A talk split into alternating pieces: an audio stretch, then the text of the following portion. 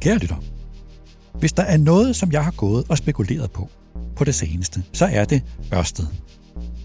Den grønne energikæmpe. Den helt utrolige succes, som de lavede hos det daværende fossile Dong Energy, og som de gjorde til det grønne Ørsted med fokus på havvind. Den transformation, som det amerikanske magasin Harvard Business Review kårede som en af årtidets bedste. Og nu, nu er Ørsted i en alvorlig krise. Et stort underskud, en tilpasning af omkostninger, fyringer og en pause i betaling af udbytte. En markant lavere investeringsplan, et farvel til bestyrelsesformanden Thomas Thune Andersen og en aktiekurs, som faldt med næsten 70 procent fra toppen tilbage i januar 2021 og til starten af februar i år. Men på samme tid, så står Ørsted også, trods sin krise, et attraktivt sted. Det lyder som lidt af et paradoks, men det gør Ørsted.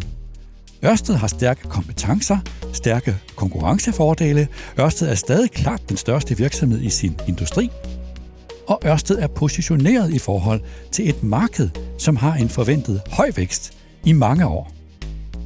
Så der er meget at tænke over, når man jagter Ørsted. De fleste er optaget af Ørsteds fremtid. De er optaget af den nye genopretningsplan, som Ørsted kom med på sin mini-kapitalmarkedsdag for to uger siden. De taler om den eksekvering af planen, som ledelsen i Ørsted, først og fremmest topchefen Mads Nipper, nu skal præstere. At nu handler det for Ørsted og for Ørsteds ledelse om at genvinde sin troværdighed over for sine investorer. Det giver god mening absolut at se fremad. Men jeg er også optaget af at se bagud. Fordi, hvad var det, der gik galt i Ørsted? Hvordan kunne det ske? Hvad kan vi lære? Og ikke mindst, hvad har de selv lært i Ørsted? Det synes jeg er super interessant at blive klogere på. Ikke for at pege fingre eller for at hænge nogen ud, men simpelthen fordi det er vigtigt, synes jeg. Når en så stor og så vigtig og endda børsnoteret virksomhed som Ørsted kan destruere så meget værdi og på så kort tid, så skylder vi hinanden at forstå det, der skete.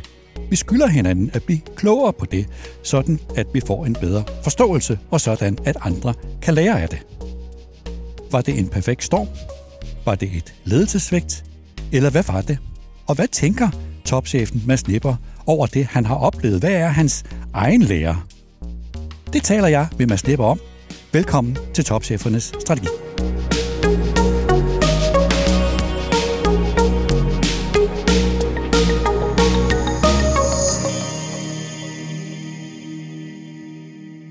Mads Nipper, tak fordi jeg måtte komme. Du er velkommen. Allerførst et kort spørgsmål. Jeg er selvfølgelig nysgerrig. Hvad gik der egentlig galt? Var det en perfekt storm? Var det et ledelsesvægt? Eller var det begge dele?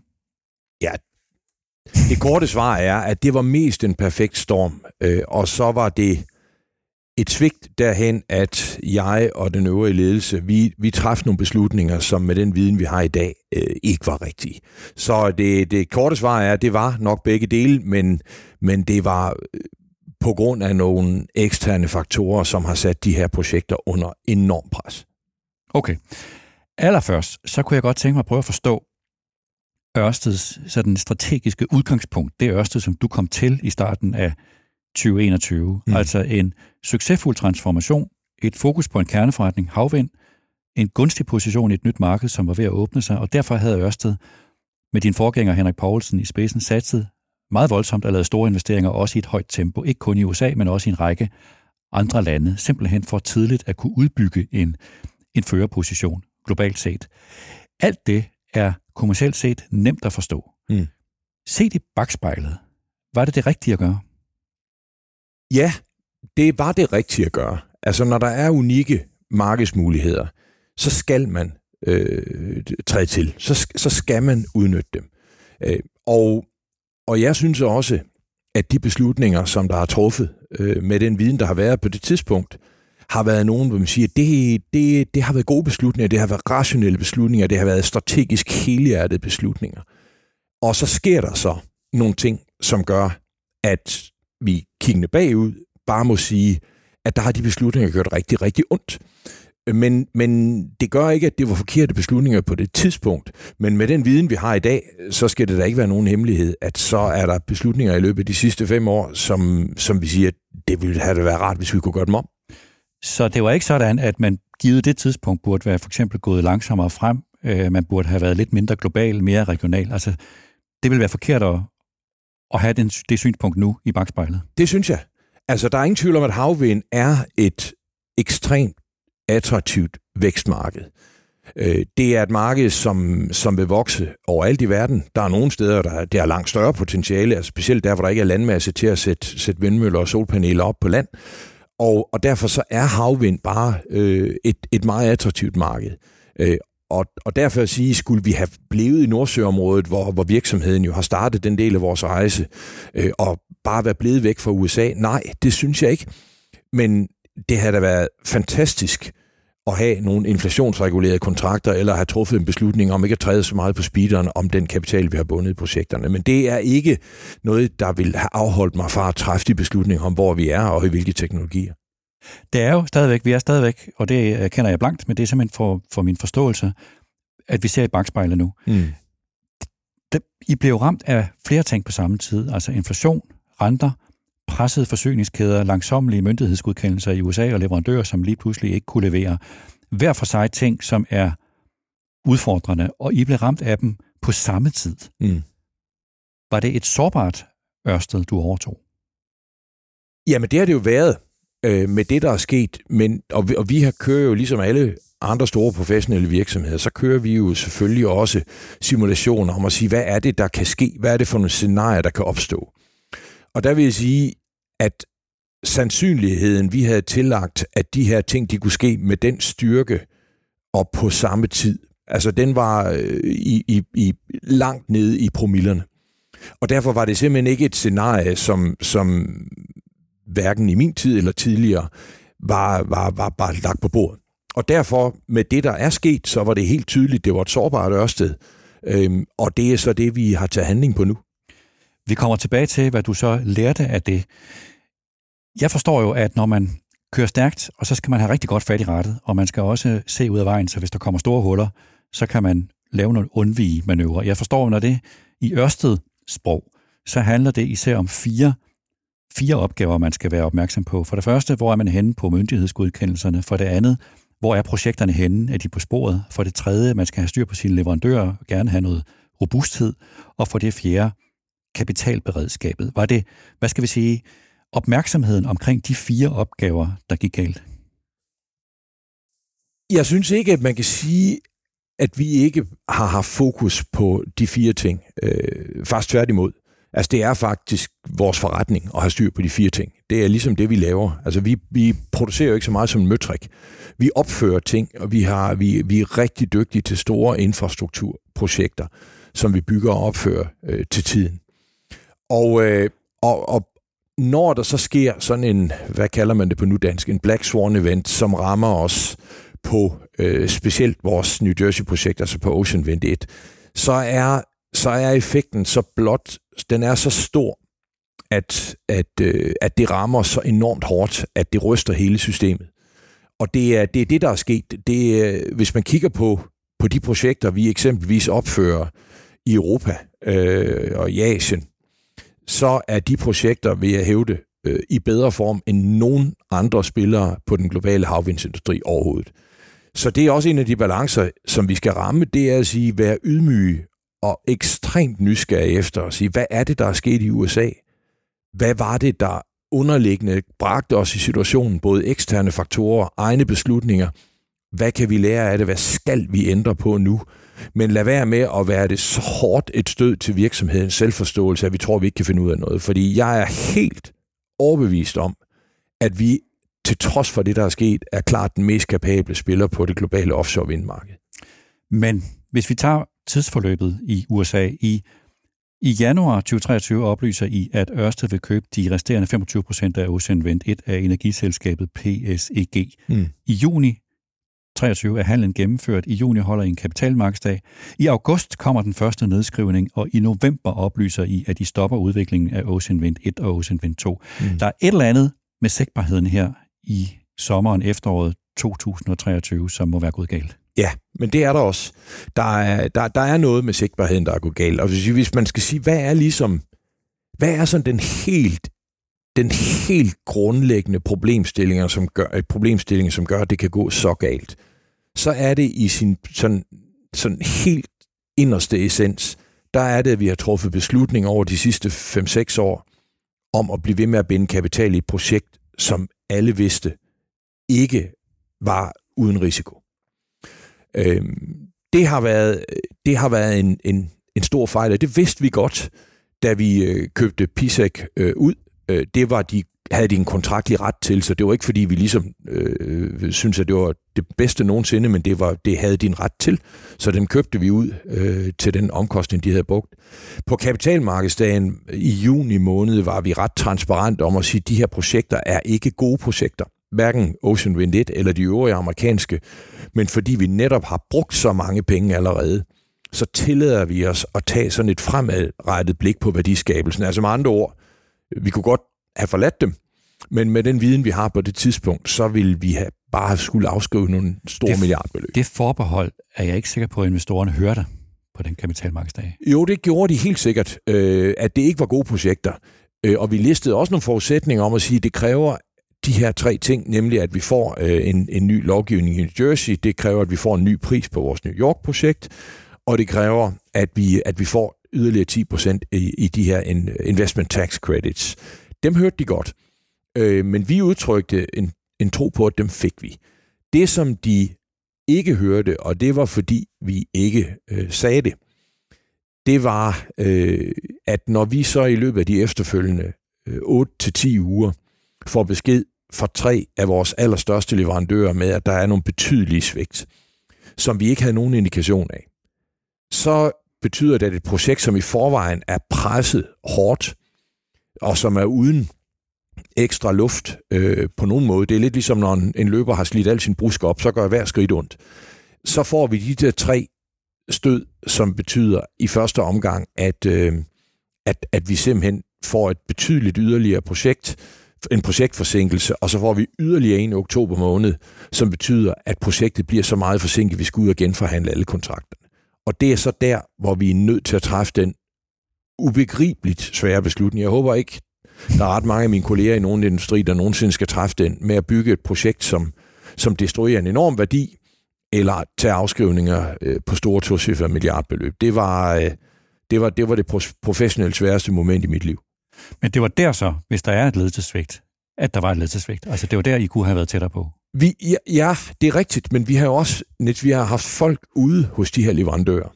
Vi har, vi har været i kontakt med, vi er jo, vores, vores største leverandører er vi jo løbende i kontakt med. Og blandt andet på et af de installationsskibe, som, som vi skulle have haft, der havde vi bygget 8 måneders forsinkelse ind i vores plan. Og så får vi at vide ret pludseligt, det bliver 15 måneder. Og det er, øh, det, det, det er jo det, det er noget, hvor vi siger, det er jo, det er jo ubegribeligt, ubegribeligt ubehageligt at få den viden. Og så kan man godt sige, jamen kan I ikke sagsøge jeres leverandører? Selvfølgelig kan vi det. Men de er typisk ikke forpligtet ud over den samlede kontraktsum. Og den er måske i det her tilfælde, lad os bare sige en halv milliard, hvilket, og det lyder voldsomt, men det er jo småpenge i et projekt, der koster så mange milliarder at opføre. Så derfor er det, derfor er det, det der tipper det her projekt, er et sammenfald af store leverandørsvigt, som jeg vil sige,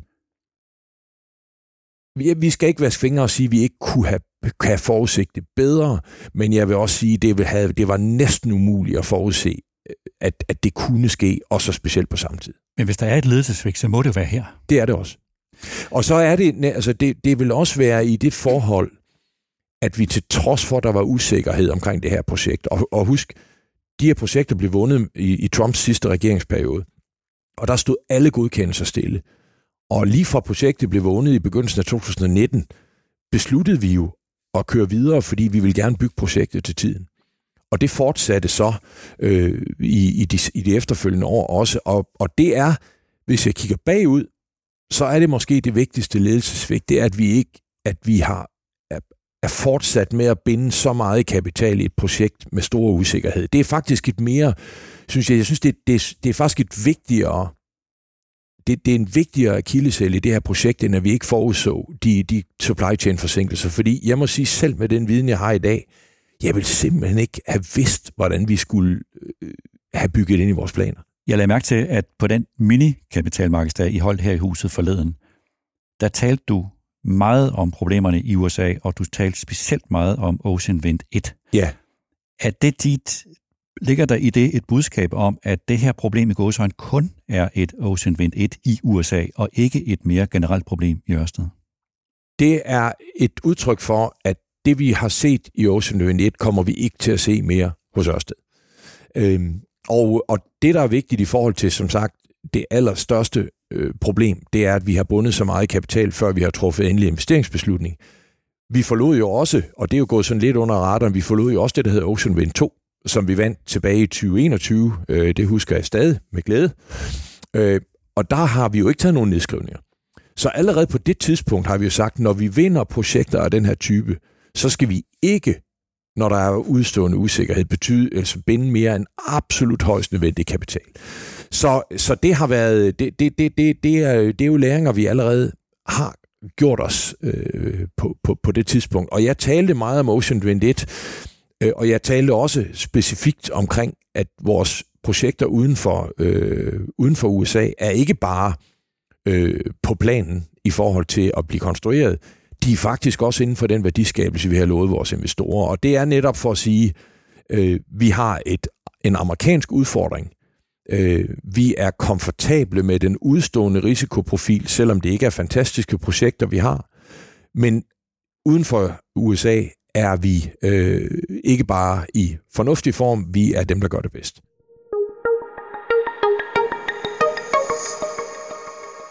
Okay, så lad os se på status. Hvis vi ser på jeres evaluering, som er, er vigtig, fordi den afgør de valg, I træffer for at løse problemerne. Jeg går ud fra, at uanset det, vi har talt om nu, så er jeres strategiske retning intakt. Altså, den er stadigvæk den samme, mm. og den er stadigvæk den rigtige. Rigtigt. Og nu vil I lave flere tiltag. Altså, I vil være, som du lige har sagt, I vil ikke investere så store beløb, før I har truffet en investeringsbeslutning.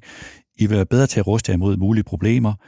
I vil være bedre til at have et, et overblik over mulige risici, og også det, vi lige har talt om, hvor forskellige problemer rammer på, på samme tid. I vil mm. lave inflationsindekserede kontrakter, og I vil være tættere på driften, det som du på minikapitalmarkedsdagen kaldte contingency planning. Mm.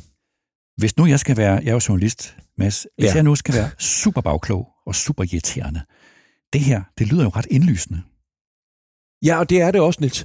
Altså, det er indlysende discipliner, og jeg vil også hævde, at alle de her ting er, vi, er, er noget, vi har gjort før.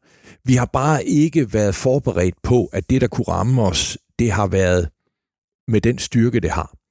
Der er jo ikke, en, altså der er jo ikke øh, nogen i det her selskab, som ikke har vidst, at stigende renter fra et niveau, hvor der stort set var gratis kapital, at det kunne og sandsynligt ville ske. Der er ingen, der har været i tvivl om, at inflation øh, også i den supply chain, vi har, vi har set, kunne ske. Men at de lange renter er gået fra 0 til 5 procent på mindre end et år, at den inflation, vi har set, når vi køber kabler og vindmøller osv., den er 3 til fire gange så høj procentuelt som den øh, forbrugerprisinflation, som vi alle sammen har mærket smertefuldt. Øh, og når vi så samtidig ser, at en supply chain, der går til at være mere ustabil, og ikke det modsatte, til trods for, at tiden går, så øh, når man så står med, med projekter som i USA, hvor vi ikke har nogen former for inflationsbeskyttelse, i modsætning til for eksempel England og Polen, hvor vi har inflationsbeskyttelse. Og når man så har nogle kontrakter, som, som har kørt så længe, fordi det tager typisk op til fire år at få alle relevante godkendelser i USA, så står man bare i en position, hvor, hvor vi siger, at det var vores system med de komponenter, du nævner, simpelthen ikke forberedt på at håndtere. Og det er det, vi siger. Vi, øh, hvis du spørger mig, så tror jeg ikke på, at vi kommer i en situation med så ekstreme bevægelser igen. Men håb, det er ikke nogen metode, og det er derfor, vi vil være forberedt på, at det kan ske igen. Det kan markant forværres, og derfor vil vi ikke løbe nogen chance for, at vi får en ny Ocean Wind 1. Det her er jo en kerne, hvad skal vi sige, overvejelse i mange virksomheder i den her tid, i virkeligheden en diskussion, som er startet siden corona, det her med at veje sårbarhed og robusthed op imod hinanden, mm. og hvor man forsøger at bygge noget robusthed ind i sin supply chain. Jeg går ud fra, at det sker på, altså det har en pris, at det har en omkostning, som gør, at så bliver indtjeningen eller afkastet lavere, og det er ligesom tidens vilkår. Det er rigtigt. Og, øh, og det, som jeg også fortalte om på vores kapitalmarkedsupdate for, for et par uger siden, det var jo netop at sige, at på, vores, på et af vores øvrige amerikanske projekter, der har vi jo valgt at lave en, en, en dobbeltbooking af et installationsskib. Øh, fordi vi, øh, vi hører fra vores leverandør, at sige, det skal nok komme, men baseret på det, vi har lært, så tør vi ikke at have tillid til det, fordi hvis den forsinkelse kommer, så kunne det få en enorm ødelæggende effekt på hele projektet. Og der har vi brugt mange hundrede millioner på at lave en dobbeltbooking. Og det er jo lidt det samme som at sige, hvis du skal på ferie, og så sige, jeg vil rigtig, rigtig gerne på ferie, så jeg booker to flybilletter, hvis det ene skulle blive aflyst. Det er jo ikke, det er jo ikke en, en, en omkostningseffektiv måde at drive sin forretning på, og det er heller ikke noget, vi vil gøre som en standardmodel. Men på projekter, som vi, hvor vi kan forudse, at hvis det sker, så har det en ødelæggende effekt, der vælger vi at gøre det. Men på de øvrige projekter, som for eksempel verdens største havvindprojekt, Hornsea 3, som vi også lige har truffet en investeringsbeslutning på i England, der har vi bygget noget ekstra luft ind i budgettet, ind i tidsplanerne. Og når man gør det fra starten, så er det faktisk ikke så bekosteligt. Så jeg vil sige, den, den modstandsdygtighed, vi bygger ind, vil jeg tro, at det er noget, som hele industrien i lyset af, hvordan hvad, hvad der er sket de sidste specielt 12-18 måneder, det er noget, hele industrien vil gøre mere og mere, og dermed så bliver det den relative konkurrencedygtighed, der bliver vigtig. Ja, fordi jeg kan jo se, altså, jeg kan i hvert fald spørge mig selv om Ørsted, altså Ørsted, det er jo en, det er jo en, en virksomhed, der har været her i mange år, men Ørsted-historien er jo stadig mm. relativt ny. Mm. Du har været hos Lego og hos Grundfos, og du har set en industriel supply chain indefra. Det er ikke sådan, at I simpelthen først nu er ved at bygge en supply chain, sådan som den egentlig bør være. Det, der er den store forskel på en supply chain hos, øh, hos eksempelvis Lego og Grundfos, og så hos Ørsted, det er jo, at, at den her supply chain skal jo vokse i et tempo, som stort set ingen andre industrier ser. Altså, vi skal have opført tre gange så meget vedvarende energi, som vi har i dag, og det, det der er opført historisk, det skal, det skal ske på syv år. Og til trods for, at vi har sænket vores vækstplaner, så skal vi altså også, vi, vi er, hvis, hvis vi træffer endnu en stor investeringsbeslutning i år på vores polske projekt, så vil vi have omkring 8 gigawatt under opførsel på én gang. Det er aldrig set før. Så når, når denne verdens Vestas altså og Siemens og Hitachi Energy osv., de skal skalere op, så er det et tempo, som, som meget, meget, meget få industrier nogensinde har set. Og så er det vel at mærke også hos relativt finansielt sårbare virksomheder, for der er jo ikke ret mange i den her supply chain, der tjener særlig mange penge. Så derfor er det det, det er en, en supply chain skalering, hvor jeg tror, man kan, man kan drage relativt begrænsede læringer fra, hvad der er sket andre steder, fordi det simpelthen er i et tempo øh, fra en masse leverandører, man er afhængig af. Det her det er jo ikke et spørgsmål om at bygge vores egne fabrikker. Det er jo et helt økosystem af leverandører, der parallelt skal bygge op og lykkes med det, og det er derfor sårbarheden er større.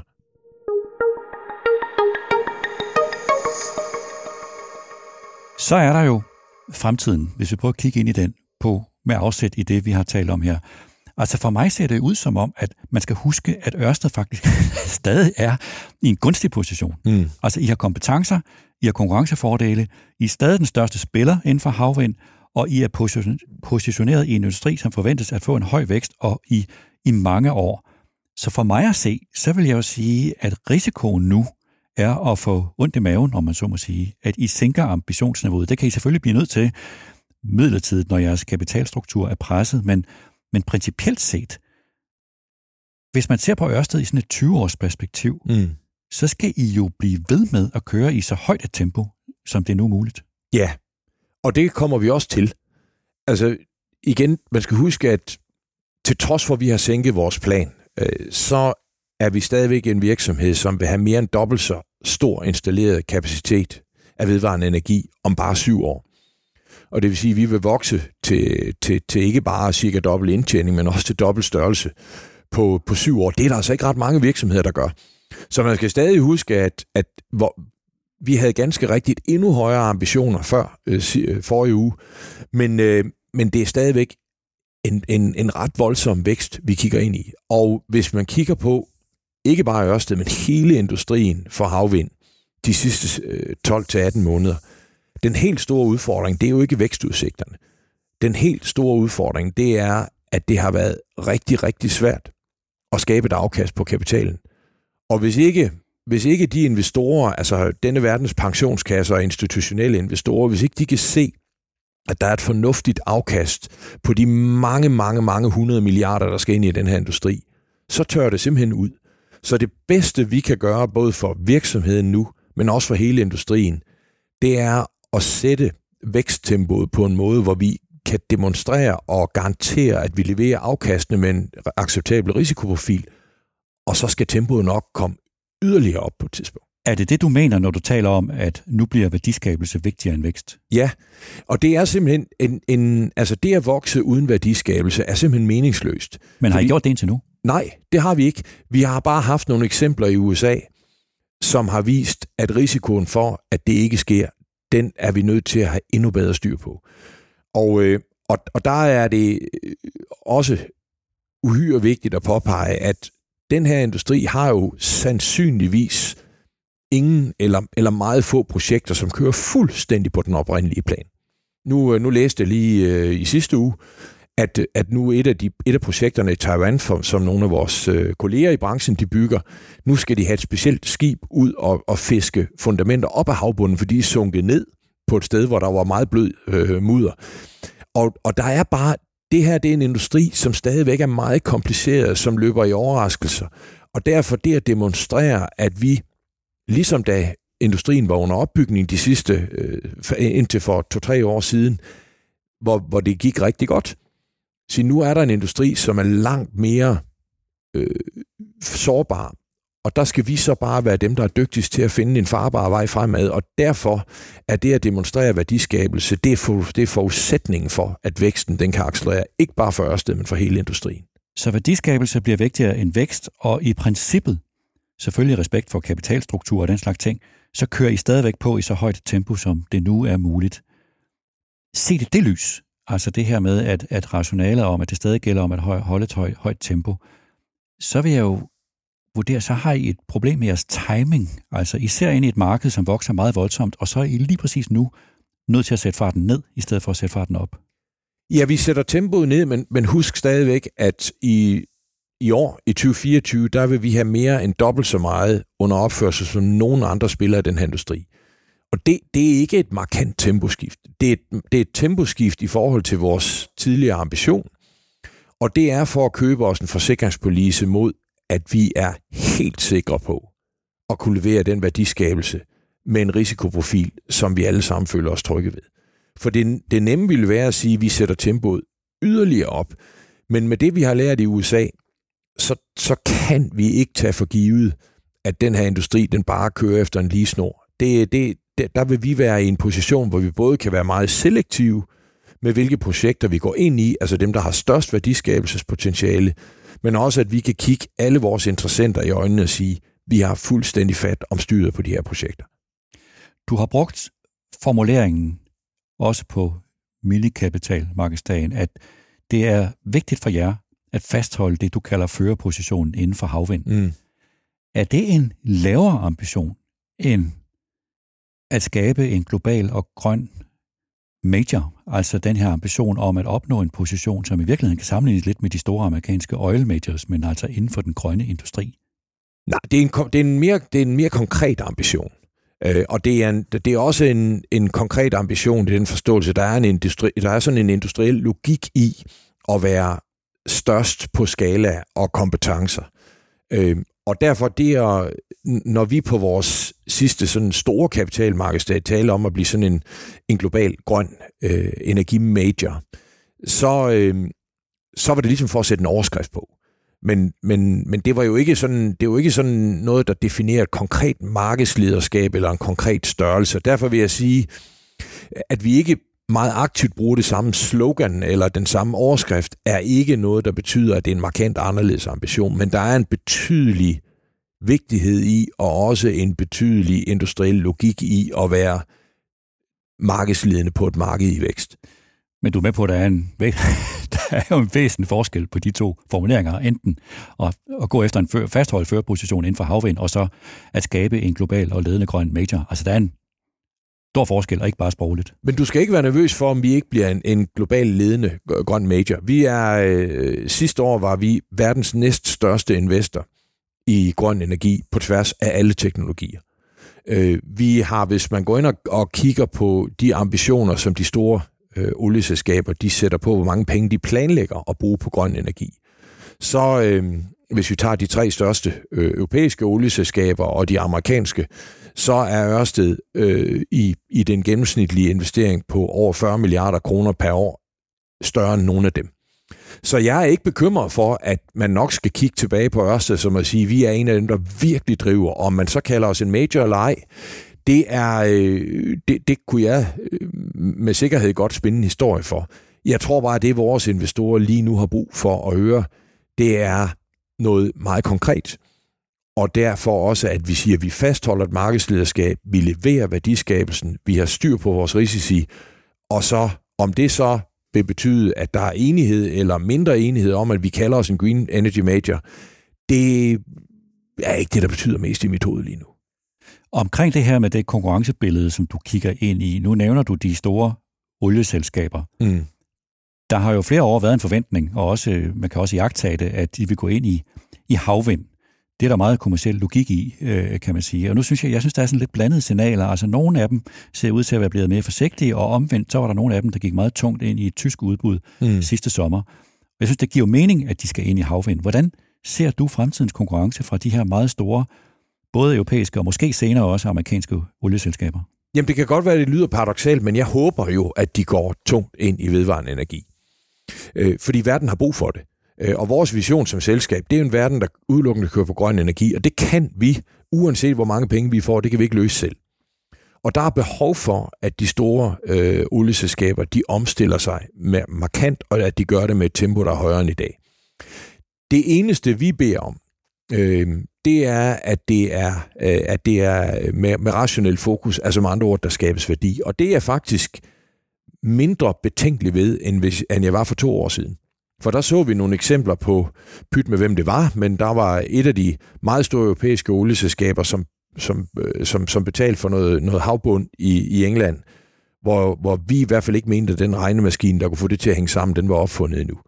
Øh, og der ser vi, der ser vi generelt, at der egentlig er en fornuftig rationalitet i det, og, og så længe der er det, så er jeg overhovedet ikke bekymret for Ørsteds konkurrencekraft, for vi er, vi er størst, vi har dybest kompetencer, og til trods for de øh, meget store bump, vi har, har haft i 2023, så er jeg også helt overbevist om, at vi er dem, der har bedst styr på de store projekter. Men ser du ind i en fremtid, måske endda på kort sigt, hvor, hvor størrelse og, og stordriftsfordel bliver vigtigere, end, end de er nu? Altså at Altså er Ørsted simpelthen stor nok til at være med i den her konkurrence allerede på kort sigt, hvis det handler om størrelse og stordriftsfordele, og sådan nogle olieselskaber trods alt træder ind med de muskler, de har? Ja, det er vi på, det er vi på kort sigt og på mellemlang sigt. Øh, der, det er en industri, som er enormt kapitaltung. Øh, men det er også en industri, hvor, øh, hvor, hvor de, altså de skalafordele, som vi har, de allerede er godt i spil. Altså vi leverer jo et, en driftsindtjening på allerede nu på mellem 20 og 25 milliarder fra grøn energi, som vi kan sætte ind i de investeringer. Og, og hvis man kigger på, hvem der er nummer to i forhold til driftsindtjeningen fra, ved, fra grøn energi, så er der ret langt ned, øh, specielt på havvind. Og derfor så er vi, vi skalafordelen betyder noget, men også, altså, hvis jeg skal være et roligt realistisk, så er der ingen tvivl om, at efterhånden, som den her industri over de næste år bygger mere og mere erfaring, så vil vores forspring på nogle områder jo øh, hvis, hvis, vi, øh, hvis vi ikke bliver ved med at udvikle dem, så vil det blive snævrere. Og det, det er vi meget realistiske med. Det er også det, vi, det er også det, vi planlægger med. Så hvis du kan forbedre og styrke de kernekompetencer og konkurrencefordele, Ørsted ja. har nu, ja. så er det dem, der skal hvad skal vi sige, stå distancen imod en mulig konkurrence på rent stordriftsfordele. Ja, stordriftsfordelen betyder rigtig meget, også fordi vi eksempelvis i driften af vores store havvindparker, den kører vi jo selv. Altså, hvor holder drift, altså vi har, vi har mange, mange hundrede øh, mennesker, som sejler ud hver eneste dag og vedligeholder vores, øh, vores, vores møller. Og det er der ikke ret mange i vores branche, der gør. Så når vi bygger en Hornsey 3, hvor vi i forvejen har Hornsey 1 og Hornsey 2, så får vi nogle enorme skalefordele, som ingen andre har. Og derfor er stordriftsfordele vigtige, men det er sidste instans, så er det i al væsentlighed de kernekompetencer om at bygge og opføre meget komplicerede øh, infrastrukturprojekter effektivt og med, med, med, med fornuftig risiko. Og så er det at få mest muligt for den grønne elektron, vi producerer. Det er de to absolut vigtigste kompetencer, når jeg kigger ind de næste 10 år. Og de to kernekompetencer, det vil stadigvæk være også om, lad, lad os bare sige, fem år, stadigvæk være de to vigtigste kernekompetencer i Ørsted. Ja. Jeg tænker nogle gange på, når jeg kigger på en virksomhed som Ørsted, med de blandede aktionærer, I har, mm. øh, der er nogle meget tydelige og meget synlige institutionelle investorer. Og ofte så oplever jeg, jeg med alle mine fordomme, at de er relativt kortsigtede. Mm. Og Ørsted er jo i høj grad en purpose virksomhed, som er på det lange sigt, og som vil skabe en verden, der udelukkende kører på grøn energi, altså et meget, meget langsigtet purpose, som man rækker ud efter. Er der en imellem, når man sidder som CEO i sådan en virksomhed, er du en imellem i sådan lidt et dilemma i forhold til dine investorer? Altså, at der er nogen vigtige aktionærer investorer, som er meget optaget af det korte sigt og mindre af det store purpose, eller er de to ting trods alt på en eller anden måde hinandens forudsætninger? Jeg synes bare, grund til at spørge er, specielt her i forbindelse med krisen og kapitalmarkedsdagen, så er det i høj grad de institutionelle investorer, vi har hørt fra. Ja, jeg synes ikke, at, at dilemmaet er så kæmpestort. Øh, fordi langt, langt de fleste investorer Ørsted har, de er her, fordi vi er en langsigtet vækstvirksomhed med en unik position i et attraktivt marked. Og øh, jeg synes jo også, den, den synes jeg ret fornuftige modtagelse, vi fik af noget, som i mange andre industrier ville være super smertefuldt, nemlig at vi med bestyrelsens opbakning besluttede at tage en, en, en udbyttepause på tre år. Øh, det, det gav jo ikke noget ramaskrig. Det er, som, som der var flere af vores store investorer, der sagde, at der er jo meget få øh, investorer, der ejer ørkse, aktie, eller Ørsted aktier på grund af udbyttet. Det gør vi, fordi vi fundamentalt set tror på det lange sigt. Så jeg tror egentlig, når kortsigtigheden den melder sig, så er det primært på noget, der skaber bekymring om, vi har det moment på det lange sigt. Og derfor så synes jeg, jeg synes egentlig, at generelt så er den opbakning, vi får til, hvad den her virksomhed skal de næste 5, 10, 20 år, den er generelt ret høj hos vores aktionærer. Fordi på den her mindekapitalmarkedsdag, som I holdt her i huset, altså når jeg to, de, din præsentation og også din øh, CFO's, din interim CFO's øh, præsentation, så var den jo sikkert af god grund meget fokuseret på det korte sigt. Ja. Der var ikke meget på jeres minikapitalmarkedsdag om det store projekt, om purpose og skabe en verden af grøn energi. Det var meget kortsigtet. Ja, og det, og det, er også, det var et meget bevidst valg, for normalt så taler vi jo øh, øh sådan primært om, hvad sker der i 2030. Øh, men, men i og med, at vi er løbet i nogle udfordringer på vores amerikanske projekter, så det at give en synlighed om at sige, hvad er det så, vi har tillid til, der kommer til at ske de næste 1, 2, 3 år. Det valgte vi at overdosere på. Men det er ikke, fordi vi generelt øh, har, har ligesom sagt, det er helt nødvendigt, at vi gør det, øh, eller der er ingen, der har tillid til os, hvis vi, hvis vi ikke gør det. Men det at læne os ud og sige, vi er komfortable med, at det her det er en realistisk plan de næste to-tre år, det betragter vi som forudsætning for at skabe, genskabe den helt nødvendige tillid til, at om 10 og 20 år, så er Ørsted et selskab, der udnytter det absolut fulde potentiale. Det, der, derfor er, valgte vi egentlig ikke så meget på grund af den investorpres, men vi valgte at give en større gennemsigtighed over de næste par år.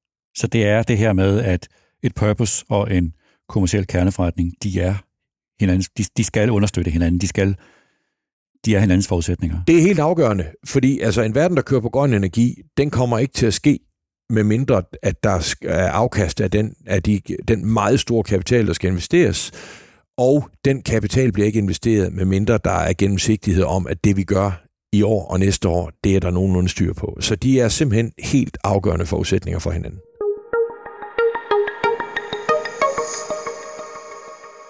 Til sidst vil jeg gerne vende, hvad du har lært, og du har mm. været lidt inde på det undervejs. Ja. Men lad os lige prøve at, at slutte med det. Mm. Hvis du skulle sætte din egen ord på det forløb, du har været igennem. Altså, du starter her i januar 2021, og så har du haft de udfordringer, som vi jo alle sammen er bekendt med. Og nu sidder du her, øh, og vi er i, i februar 2024, det er godt tre år. Hvad har du lært undervejs? Jeg har lært, hvor enorm stor transformation, der kan ske i en industri på meget kort tid. Og øh, jeg har også lært, hvor vigtig sammenhængen mellem de beslutninger, der træffes i dag, kan være om rigtig mange år. Øh, og så har jeg helt konkret på, øh, på de projekter, som vi har haft så stor, så stor øh, et slag fra, så har jeg lært, at det, det at binde milliarder af kroner i stadig usikre projekter aldrig skal ske igen. Og så har jeg lært, at det at have, det at have forudsigenhed i forhold til at sige, lad os ikke tage kontrakter, som ikke har en eller anden form for beskyttelse mod, hvis vi igen ryger i en perfekt storm. Det må simpelthen heller ikke ske igen. Øhm, jeg har lært en masse andre ting omkring endnu tættere styring af vores supply chain osv., men det er, jeg, jeg tror, det er sådan ret åbenlyst, at selvfølgelig har vi lært det, men, men det, med at, det med at sikre, at vi aldrig, aldrig mere binder så meget kapital, det er den allervigtigste konkrete læring. Med de tre læringer, så vil jeg jo forvente, at Ørsted står mere robust i fremtiden, end man gjorde indtil nu. Mm. Omvendt, så kan man jo ikke forudse en, en perfekt storm. Så jeg går ud fra, at opgaven er vel, så godt man nu kan, at ruste sig til at kunne håndtere en perfekt storm. Men skal man i vores dage leve med en, hvad skal vi sige, en erkendelse af, at en perfekt storm, den kan faktisk komme. Der kan komme en sort svane, og det vil mm. sige, man skal leve med en sårbarhed, som vi ikke i vores generation har, har prøvet at leve med før. Ja, det mener jeg, vi er nødt til. Altså, hvis vi sådan tager det helt brede blik, hvis man kigger på verden i dag, og du har også nævnt det i nogle af dine øvrige podcasts, Niels, der er så enorme sving i vores verden, og hvis man kigger på den på hvad der er sket blot de sidste tre år i verden med inflation, med, med global pandemi, med krig osv., så, øh, så var det jo, det er jo sådan en, en, en 100 eller en 1000 års begivenhed. Men det tror jeg bare ikke, vi skal kalde det mere. Det kan ske. Og alle tror, at renterne de skal falde nu, men vi er nødt til at være forberedt på at sige, hvad sker der, hvis vi ikke gør det?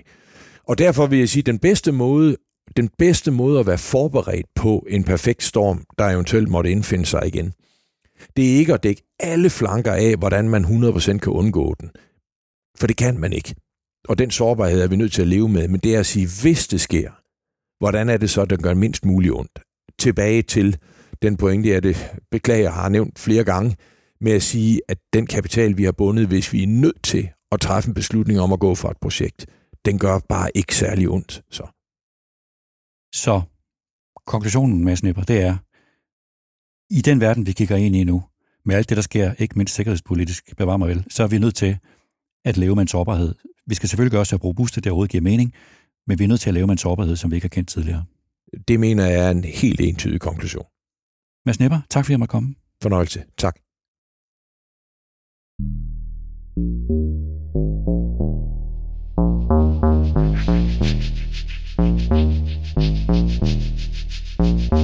Det var denne udgave af Topchefernes Strategi. Et forsøg på at blive klogere på, hvad det var, der skete i Ørsted. Et forsøg på, mens mange er optaget af at se fremad, når det gælder Ørsted og deres nye genopretningsplan, så at gøre det modsatte. At se bagud. At forsøge at blive klogere på, hvad det var, der gik galt i Ørsted, i håb om at lære noget af det, der skete. Jeg sidder tilbage med to iagttagelser efter, at jeg talte med Mads Nepper. For det første, så nævnte Mads Nepper her til sidst de ret konkrete læringer, som han har gjort sig i forløbet. Han talte om det med, at der kan ske en stor transformation i en industri på meget kort tid, og også om sammenhængen mellem de beslutninger, der træffes i dag, og så deres betydning om mange år. Han talte om det med, at Ørsted ikke igen vil indgå kontrakter, som ikke har en eller anden form for beskyttelse imod en mulig perfekt storm. Og han talte især om, at han ikke igen vil binde store beløb i projekter, som endnu er usikre. Men jeg hører også, at han har et forbehold med Snipper, når det gælder det med ledelsesvigtet. Det kommer for eksempel til udtryk, når han taler om det med at forudse forsinkelserne i Ørsteds supply chain, og hvor han siger, citat, Jeg må sige, at selv med den viden, jeg har i dag, at jeg ville simpelthen ikke have vidst, hvordan vi skulle have bygget det ind i vores planer. Citat slut. Det fører mig til min anden iagttagelse når man lytter til Mads Lipper, så er det tydeligt, at selvom han erkender et ledelsesvigt, så er det den perfekte storm, der optager ham. Når han siger det, jeg lige citerede, at selv med den viden, han har i dag, at så ville han ikke have vidst, hvordan de skulle have bygget det ind i deres planer, så er det tankevækkende. Måske også fordi, okay, et ledelsesvigt, det kan man håndtere. Det kan være ledelsesmæssigt bøvlet, det kan være piligt for en topchef at indrømme et ledelsesvigt, det kan svække topchefens autoritet og troværdighed. Det kan være ubehageligt at placere et ansvar. Det kan være akavet, simpelthen. Men det er jo hverdag, når man arbejder med ledelse, trods alt. Også selvom det er store tal, vi taler om, når det handler om Ørsted. I Ørsted gælder de store tals lov. Men en perfekt storm er noget andet end et ledelsesvigt. En perfekt storm åbner for en ubehagelig overvejelse, en ubehagelig mulig erkendelse. Ikke kun for Ørsted, men for mange virksomheder. At et eller andet sted, så er man nødt til at tillade sig selv den konklusion, at det, der skete i Ørsted, at det kan ske simpelthen. At selvom det er svært at acceptere, at så er det måske den nærliggende konklusion. Fordi hvis man træffer en anden og måske en forkert konklusion og handler efter den, så overser man noget. I Ørsteds tilfælde, at trods den aktuelle krise, så er Ørsted en virksomhed, som skal ses i et 20-årigt eller et 30-årigt perspektiv, og at det derfor gælder om at holde fast i rationalet, der siger, at man skal forsøge at blive ved med at holde et højt tempo i sine investeringer, fordi det stadig giver mening, at Ørsted skal forsøge at tage en stærk position i et marked, som vil have en forventet høj vækst i mange år. Så måske er det den vigtige iagttagelse af krisen i Ørsted, at den slags kan ske. At selvfølgelig skal man gøre sig så robust, som det er muligt, selvfølgelig, men at man også skal leve med at være sårbar, at man skal have is i maven, at man skal have selvtillid nok til at holde fast i sin langsigtede strategiske retning, også når man er under pres og er i krise. Vi er ikke færdige med at forstå det, der skete i Ørsted. Men jeg er i hvert fald blevet klogere på Ørsted som case, efter at have talt med Mads Nipper, og jeg håber, at du, kære lytter, også er blevet det. Tak til Mads Nipper, topchef i Ørsted. Tak til Peter Emil Witt, der redigerede optagelsen. Og tak til dig, der lyttede med.